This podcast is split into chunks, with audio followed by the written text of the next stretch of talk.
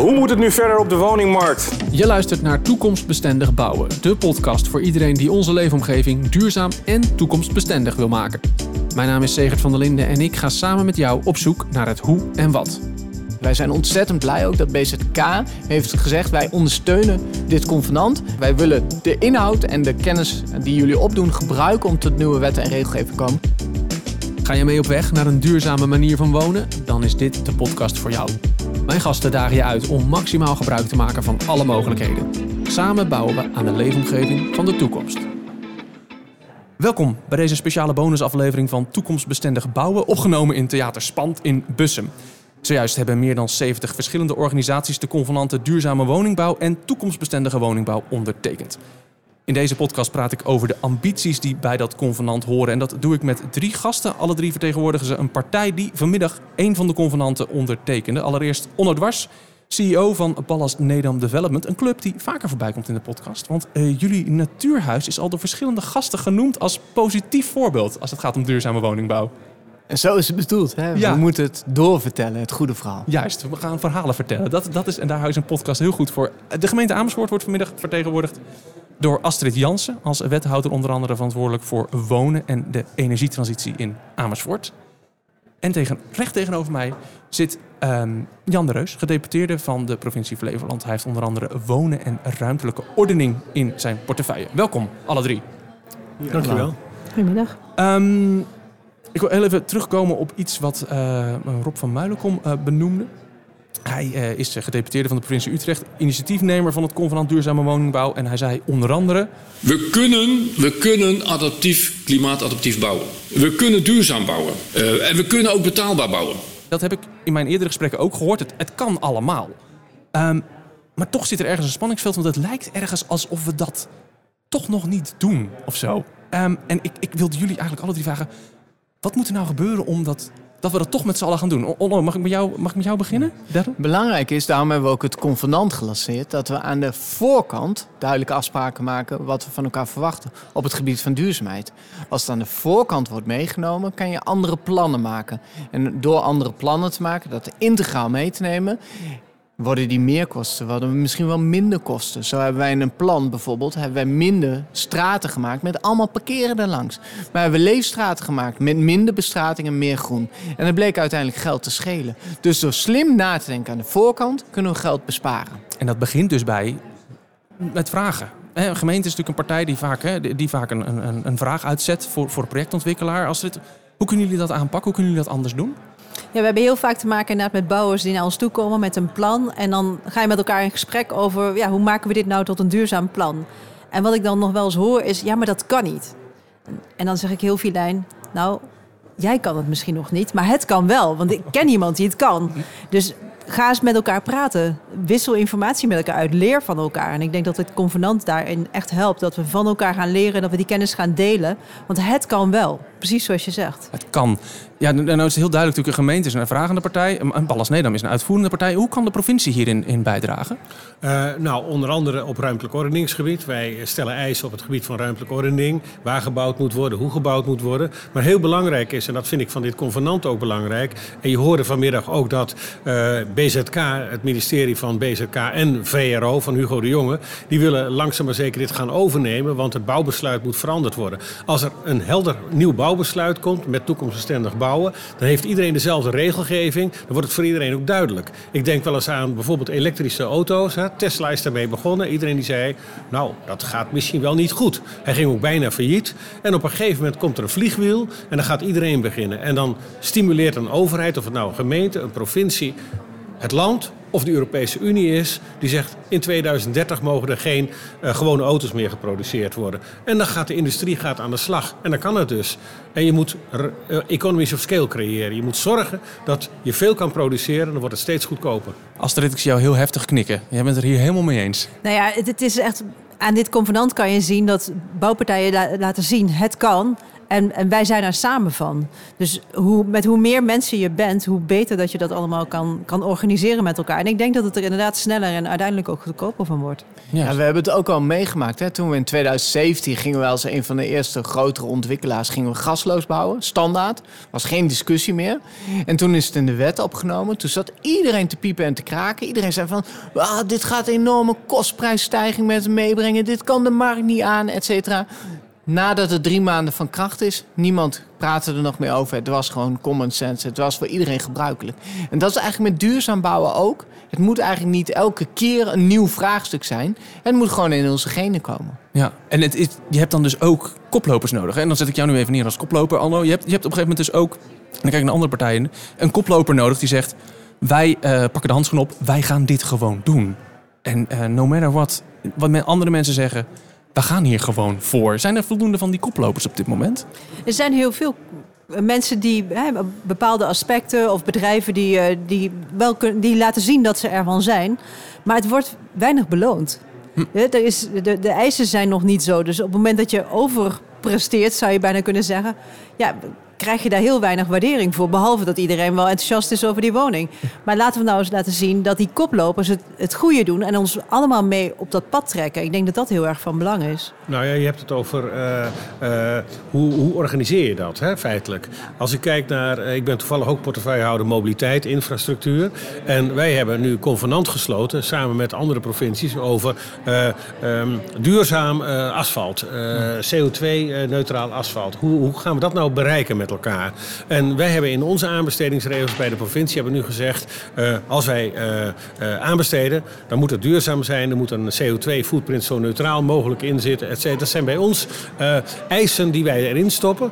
En heel boeiend, we krijgen voldoende inschrijvingen hoor. Dus het kan wel. Het kan gewoon. Ja. ja. Nou, wat ik, dat vind ik wel een mooie. En dat is een mooi bruggetje naar de volgende quote die ik wil laten horen. Want um, in een eerdere aflevering sprak ik met uh, Andy van den Dobbelsteen. En um, hij zei iets waarvan ik dacht, dat is toch heel logisch. Maar op de een of andere manier blijkbaar gebeurt het nog niet genoeg. Hij zei dit. We bouwen nu eigenlijk woningen die een hele grote ramen hebben. Dat is nou ja, dat vinden we fijn vanwege in de winter. Hebben we uh, toch donkere winters, dan uh, hebben we toch nog veel daglicht. Maar ja, uh, en die, die, ramen die, die verliezen meer energie zwinters dan uh, dicht te delen. Dat is één. Zomers pakken ze natuurlijk ontzettend veel zon die je dan niet meer wegkrijgt in onze inmiddels goed geïsoleerde woningen. Dus uh, we moeten anders gaan ontwerpen. Wij moeten veel slimmer gaan ontwerpen met en tegen de zon. Dit klinkt zo logisch. Onno, bouwen jullie huizen met grote ramen? Nou, dat kunnen wij al niet meer omdat wij heel erg sturen op milieu-impact. Er zijn meerdere aspecten die een rol spelen. Wij willen zo al onze, onze woningportefeuille sinds 2019 wat we verkopen energie-neutraal. Dus zijn we boven de wettelijke norm zijn we al bezig. Dan kunnen we niet werken met deze grote uh, energieverliezen. Daarnaast heb je de overfitting, is een heel groot probleem gaan worden. En dan moeten wij echt, dat is onze maatschappelijke verantwoordelijkheid. Wij moeten voorkomen dat iedereen airco's gaat plaatsen. Want een airco heeft heel veel negatieve milieu-impact uiteindelijk. Dus hij heeft 100% gelijk. We moeten gaan ontwerpen, meer ontwerpen op de zon. De kracht van de zon, maar ook het probleem van de zon. En vooral in de zomers, we krijgen toch steeds meer te maken met hitte. En dat is toch wel een serieus probleem aan het worden in het comfort van de woning. En veel woningen hebben tegenwoordig ook koeling. Maar niet alle woningen hebben koeling. Dus het vraagt echt een nieuwe manier van ontwerpen. Ja, ja. Vragen jullie daar al op uit? In, uh, in Amersfoort? Ja, wij vragen niet zoveel uit, want we hebben niet zo bijzonder veel grondpositie. Maar we hebben er wel gesprekken over. Maar wat je ziet, en dat, dat zei Onno aan het begin ook... Um, je moet eigenlijk veel eerder in het proces dat gesprek erover hebben. En er wordt wel globaal vaak naar duurzaamheid gekeken... naar materiaalgebruik en naar uh, uh, energie en al die dingen. En dan helemaal aan het eind gaan we al die rekensommen maken. Gaan we uitrekenen wat de energieprestatie is... en wat de materialen allemaal gekost hebben zeg maar, aan, aan, aan, energie... Aan, wordt het, materiaalprestatie. En, en dan komen we erachter, oeps, dit wordt te warm. En dan moet er inderdaad weer een, een apparaat bij. Ja, hè? Dan ja. gaan we met installaties gaan, met proberen te koelen. Ja. Dan ben je dus eigenlijk te laat. Dus je moet in je stedenbouw, moet je daar al rekening mee houden. En, en in het ontwerp van je woning moet je al rekening houden met... Ja, het wordt warmer buiten. Ja, ja. Jan de Reus, provincie Flevoland. Zijn dit soort onlogische keuzes, noem ik ze maar eventjes... zijn er nu verleden tijd met dit convenant? Nou, onlogische keuzes. Ik weet niet of dat onlogisch is. Want als je een paar honderd jaar geleden keek... dan bouwden ze huizen met hele dikke muren... en niet al te grote ramen. Waarom? Warmte buiten houden eh, in de zomer en warmte binnen houden in de winter. Daarom hadden ze dikke muren en kleine ramen. Dus we gaan eigenlijk weer terug naar een paar honderd jaar geleden, maar wel met het comfort van nu. Ja. Eh, wij bouwen zelf niet als Flevoland. Nee, wij nee. stellen ook geen bouwbesluit vast in Flevoland, want dat doen gemeentes. Maar wij zijn wel met gemeentes voortdurend in gesprek. Dus eh, ik zie mijzelf ook en wij gaan heel veel bouwen in Flevoland. hè, 130.000 woningen als het aan ons ligt in de komende 30 jaar. En dat zijn we nu al zelfs stiekem aan het ophogen. Dat kan allemaal. Eh, maar wat ik doe is aanjagen. Ik eh, sta achter de wethouders aan. Ik praat bijna wekelijks met BZK over allerlei zaken op dat gebied. En ik jaag maar aan. Want ik ga niet op de stoel van de wethouder zitten. Dat zou mijn buurvrouw Astrid ook niet waarderen als ik in Utrecht zou zijn. Maar ik zorg wel dat de partijen bij elkaar komen. En we zijn nu een heel groot project in eh, Lelystad bezig. eh, De Warande. 15.000 woningen moeten daar komen in de komende 10 jaar. En daar zijn, zitten we met de RVB, BZK, gemeente Lelystad en de provincie om de tafel om dat te organiseren. We hebben eh, ontwerpbureaus gevraagd en dan zeggen we, we willen een groene wijk, we willen een duurzame wijk. Daar moet de, eh, het aantal woningen moet daarop passen. En zorg dat het klimaatadaptief is, dat het duurzaam is met alle eisen. En eh, degene die dat het beste doet, die gaat waarschijnlijk het krijgen. Ja. Nou, dat is hartstikke interessant. En dan mag ik meepraten, omdat ik de aanjaagfunctie vervul. Ja, En dus- eh, dat is leuk. Ja, want dat is natuurlijk wel... hè, eh, inderdaad, een, een bouwende partij, een gemeente... heeft een hele duidelijke praktische Ja. rol. Voor een provincie is dat toch weer een, een stapje verder, zeg maar. En, en Ja. ik hoor wel, jullie nemen wel echt een actieve rol. Oh, ik Nou, hoor Anno die zegt, nee, ik, ik niet vind, waar, dat is niet ik helemaal vind waar. dat provincies vandaag de dag steeds... Je ziet het ook bij dit convenant. Ja, dat is waar. Provincies hebben een duidelijke stelling ingenomen... waar ze vinden dat de gemeentes die eronder vallen... ehm, in, de, in de provincie mee onderdeel van de beweging moet zijn. Ik denk ook wat Jan zegt, de aanjaagfunctie is superbelangrijk. Het is niet alleen een aanjaagfunctie naar de gemeentes... maar het is ook een aanjaagfunctie uiteindelijk naar de bouwers en de ontwikkelaars... en misschien ook de materiaalleveranciers... die uiteindelijk daarmee ook worden aangejaagd. Dus ik denk die aanjaagfunctie moeten we niet onderschatten... want heel veel mensen, dat weten we allemaal nog van vroeger... hebben af en toe een complimentje of een klein beetje duwen nodig om uiteindelijk in de goede richting te gaan bewegen. Dus eh, ik denk een soort van partij die erboven staat, die het beschouwt, is heel erg belangrijk. Zonder op de stoel te gaan zitten. Ja, dat Juist. hoeft ook niet. Je moet het zeker niet Wat, overnemen. wat eh, heel erg geholpen heeft, is ook provincie Utrecht. Die heeft gewoon gezegd, hè, dat, Ja. weer dat, dat schaalniveau creëren. Daarvoor willen wij er zijn. Hè? Dus die hebben het echt het initiatief naar zich toe getrokken. En ik denk dat dat heel goed is geweest om, eh, om dit daadwerkelijk dat schaalniveau te laten krijgen. Ja, en die rol wordt ook alleen maar groter. Want als je kijkt naar de bouwnotas van Hugo de Jonge... die geeft veel meer rol aan het middenbestuur. En eh, dat kan op dit gebied zijn. Maar hij zegt ook, er moet zoveel gebouwd worden in sociaal... zoveel in betaalbaar, zoveel voor de doelgroepen. Eh, we zijn in discussie met hem over statushoudershuisvesting... asielzoekershuisvesting. Al die elementen, zegt hij, middenbestuur... Dat zijn de provincies. Ja. Jullie krijgen die taak. En jullie gaan dat voor mij regelen met de gemeentes. Eh, dus los van onze eigen aanjaagfunctie die ik zelf zie, zie ik ook dat het gedwongen al op ons afkomt. Nou, dat gaan we bij elkaar brengen. Jullie krijgen alweer dat, een beetje dat, dat setje in de rug waar we het net even over hadden. Even dat kleine zetje wat jij noemde. Maar dan van bovenaf, van, van ja, dat de is, dat is duwen. Het Dat is niet verleiden overigens. Nee, nee, nee, dat is verleid gewoon- liever dan dat ik opleg. Ja. Eh, Maar soms is dat ook nodig. Soms Ja. is het gewoon nodig dat het opgelegd wordt, toch? Ik bedoel, Het, dat, het feit dat dit convenant vertaald gaat worden in ehm, aangepaste wet en regelgeving. dat bedoel ik, ja. Dat is degene reden waarom wij ook meetekenen. Op het moment dat het een vrijblijvend convenant zou zijn, waar alleen goede bedoelingen ergens een plekje krijgen, maar het uiteindelijk niet vertaald wordt in wet en regelgeving, hadden wij het niet meegetekend. Wij zijn ontzettend blij ook dat BZK heeft gezegd: wij ondersteunen dit convenant. Wij gaan hier werk van maken. Wij willen de inhoud en de kennis die jullie opdoen gebruiken om tot nieuwe wetten en regelgeving te komen. Want we moeten gewoon niet vergeten dat we naar CO2-neutraal bouwen moeten. Dat we naar wijken moeten die gewoon in hun eigen energie gaan voorzien. Dat we het water, dat we niet meer kunnen af laten vloeien. Ook al zit je in een Flevoland, dan moet er uiteindelijk uitgepompt worden. Dat wil je eigenlijk vasthouden in de wijken. Dus, en dat heeft, is niet een kostenpost, dat is een kwaliteit. Want die energierekening van die bewoner gaat omlaag. Het levensgenot neemt enorm toe bij groene wijken. Eigenlijk zijn we allemaal winnaars als we duurzaam gaan bouwen. Ja. Nou, dan wil ik even terugkomen op een eh, eerdere podcast die ik maakte. Dat was met eh, Lot Logger. Die ging over eh, klimaatadaptief bouwen. Eh, en zij zei het, het volgende. Er is zelfs uitgerekend dat een stad failliet kan gaan als er een overstroming ehm, eh, plaatsvindt. Astrid Jansen, gemeente Amersfoort. Dat is een eh, behoorlijke verantwoordelijkheid voor jullie als jullie... eh, Ja, zeker is dat een verantwoordelijkheid. Je moet gewoon echt wel naar de toekomst gaan kijken. En we zien dat het klimaat verandert. We zien dat het eh, droger wordt, dat het heter wordt, dat het soms juist eh, heel hard gaat regenen. En eh, ook in Amersfoort hebben we een deel wat overstroombaar is vanuit rivieren.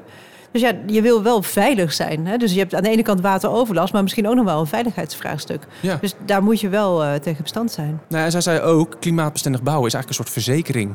Eh, je investeert er nu in, zodat je in de toekomst een stuk minder kosten hoeft te maken. Eh, zien jullie dat ook zo? Ja, klimaat. Je, je zegt van, hè, wij hebben ook delen die onder kunnen lopen. Nou, Flevoland, als je daar een dijk doorprikt, dan lopen we helemaal onder. Gelukkig hebben we, de ja. beste, we hebben de beste dijken van Nederland. Dus dat scheelt. Wij Nou, dan heb je ook een wij beetje de beste dijken van de, van de wereld, toch? Als je de beste van Ook, Nederland hebt. Natuurlijk. dus wij lopen niet zo gauw onder. Maar eh, En klimaat... we lopen allemaal niet gauw. hè. Voordat, voordat de luisteraar nu denkt van help, ik moet niet in, eh, Ja, en Amersfoort aan zee, dat soort... Ik moet mijn eh, zwembroek klaarleggen. dingen. Ja, nee, dat hoeft nog niet. Nee. Nee, dus eh, het is belangrijk, eh, bouwen. Eh, de hele discussie die nu in Nederland ook plaatsvindt van bodem en water is leidend. Hè? Dat is heel boeiend. Dat wordt vertaald als lage gebieden kan je niet meer bouwen. Dat is natuurlijk onzin. Dan kan je nog steeds bouwen. Ik zeg wel eens, wij hebben ook bodemverzakkingsgebieden. Nou, dat betekent dat de heipaal een meter langer moet worden. Maar je kan er wel degelijk bouwen. Alleen hoe je gaat bouwen en rekening houden met allerlei weersgesteldheden. Want het is niet alleen wateroverlast, maar het is ook water... eh, wat is het tegengestelde van wateroverlast? Waterdroogte. Droogte. Droogte, oh ja, die zo, ja. periodes heb je ook. Daar moet je ook allemaal mee rekening Ja, houden. ja. En daarom heb je waterbuffers nodig, et cetera, et cetera. Dus je moet er gewoon rekening mee houden. Ja. Maar ja. ik wil een stap verder gaan. Kijk, we Oh, dat hebben het goed. over die overstroming. Hè? Maar ik denk dat het probleem zit voor die overstroming. Op het moment dat wij geen visie en beleid hebben op, het- op het gebied van klimaatadaptief bouwen, kan het wel eens zijn dat het wal het schip keert. En dat juist die investeerders anders gaan kijken naar die gebieden.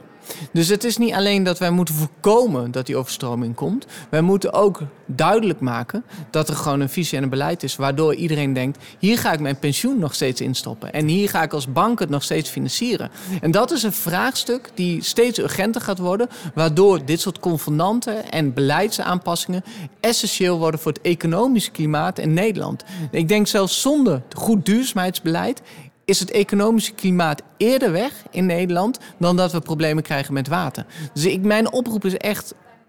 Wees niet te wei- of toon niet te weinig ambities op dit onderwerp. Want het is gewoon essentieel voor een goede economie. Overigens is dat niet alleen maar voor de nieuwbouw. Dat, dit is in hoge mate een vraagstuk ook van de bestaande bouw. Voor alles. Je, je ziet ook dat pensioenfondsen echt wel nadenken. Ja. En, en eh, hypotheekverstrekkers van, eh, oké, ECB heeft een heel belangrijk rapport gelanceerd onlangs in de zomer. En dat gaat over dit onderwerp. Het gaat over risico. Risico is een relatie van klimaatadaptief bouwen in zaken investeringen. Dus op het moment dat banken zich ermee gaan bemoeien, dan gaat er eigenlijk een heel groot wiel draaien. En dat is geld.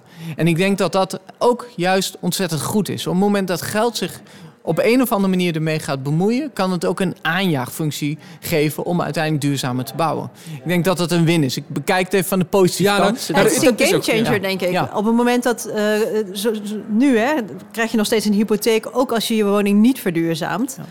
Ja. Eh, en dan krijg je misschien wel een hypotheek waarbij je behoorlijke maandlasten hebt, wa- waardoor je die verduurzaming moeilijk nog kan doen. Ja. Ik vind het ook een verantwoordelijkheid van zo'n van zo'n hypotheekverstrekker om te denken, ja, eh, straks zitten deze mensen vast in een woning ja, die, die niet meer zoveel waard is. Het onderpand ja. glijdt onderuit. Dus daar hebben zij, op het moment dat zij daar rekening mee gaan houden, dan verandert er iets in hoe mensen een hypotheek gaan krijgen. En, en dan verandert er echt wat. Ja, ja. En jij zegt, eh, Onno, sorry, ik kom even terug op die kansen. Jij zei, dit zijn ook echt kansen. Ja. En dat, dat is natuurlijk ook, eh, bijvoorbeeld als we het hebben over eh, circulair bouwmaterialen. Daar, daar zitten ontzettend nieuwe ontwikkelingen in. Hè? Daar heb je natuurlijk met het Natuurhuis hebben jullie daaraan bijgedragen. Ja. Ook daar zitten kansen. Daar kunnen we, we kunnen koplopers worden hier in Nederland. Ja. En dan niet alleen in Nederland, maar wereldwijd. Ja, en hoe, hoe mooi is het dat je Flevoland kan zijn eigen circulaire systeem bouwen. Door eigen grondstoffen te gaan verbouwen. En daar de nieuwe huizen mee te maken. We gaan die cirkels weer kleiner maken. De geopolitieke druk die ontstaat op dit moment over de hele grondstoffendiscussie. Daar kunnen wij deels in Nederland gewoon oplossen. En ik oprecht, ik ben heel erg hoopvol over die kansen. Want heel veel landbouwgrond hebben we niet nodig als we op een andere manier onszelf gaan voeden. Op het moment dat we andere keuzes gaan maken. Ja, Nou, dat klinkt goed Vle- voor de provincie Flevoland. Eh, ja, eh, Mooie ideeën. Wij, wij hebben uitgerekend dat wij eh, met de opbrengst van de stro in de provincie Flevoland, op dit moment de huidige eh, eh, akkerbouw, om het maar zo te zeggen, dat we 7.000, 8.000 strowoningen per jaar kunnen bouwen à la wat Strotec. Want ik, zat, Mhm. eh, de, ik was er net in Ja. gesprek met de man van Strotec en dat ziet er ontzettend eh, goed uit. Ja. Wij organiseren eh, een bustour in Flevoland met betrekking tot eh, duurzaamheid, klimaatadaptief bouwen en alles wat er omheen zit. Dus toekomstbestendig bouwen eigenlijk. Ja, ja En, zeker. eh, hij zei meteen, oh, daar ben ik ook voor uitgenodigd. En eh, wij hebben een projectleider Biobased Bouwen... die alle partijen ongeveer bij elkaar brengt. En eh, op die manier gaan we zorgen dat wij die stap gaan maken. Dat wordt mijn eerste presentatie in een bus hè, die ik moet gaan geven. Dus dat wordt een heel bestandig, heel spannende tour. Ja, Dus, ja. busleider. Als je ja, kijkt, dan... Ja, dat. ja, die projectleider, dat is Jan-Willem van der Groep. En die zat in aflevering 2 van de podcast. Over te vertellen over biobased bouwen. En de kansen die dat dus biedt, inderdaad, voor, Nou ja, voor, voor alle, allerlei mensen. Ik wil nog één laatste quote laten horen. En dan eh, ga ik jullie lekker weer naar de borrel laten gaan.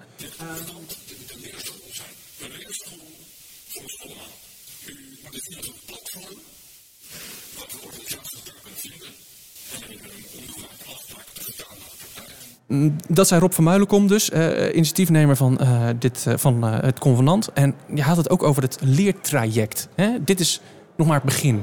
Eh, volgens mij zei een van de andere sprekers, zei, wat nu goud is, moet over een paar jaar brons zijn. Hè? Het ambitieniveau moet nog hoger.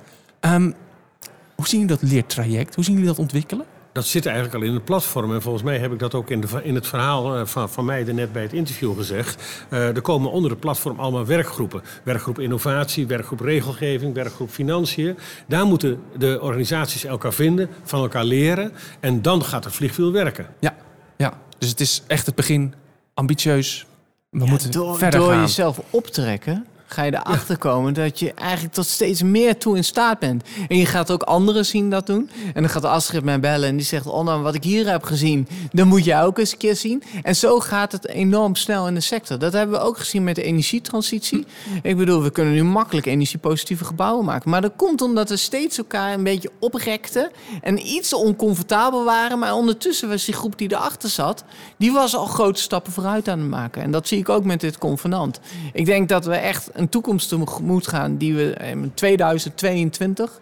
29 september. Ik denk dat we dat niet gaan vergeten. Dat is de dag dat de gebouwde omgeving definitief ging veranderen. Het is een kwestie van houding ook, hè? Want ga je naar elkaar kijken vanuit de concurrentieposities en eh, hè, ga je elkaar eh, eh, begluren of ga je juist open zijn en ga je met elkaar delen en ga je trots zijn op wat je gemaakt hebt en kijken hoe een ander dat ook kan maken. Misschien kon die nog wel iets beter. Hé, hey, dan kan ik het de volgende keer weer wat beter. Het is ook, ja, met een positieve mindset kom je zoveel verder. Ja. Nou ja, zoals Rob van Muilenkom. Ik haal hem er nog één keer bij. Hij zei het, een handtekening is gauw gezet. Nu aan de slag. Veel succes alle drie. Dankjewel. Dankjewel. Dank jullie wel.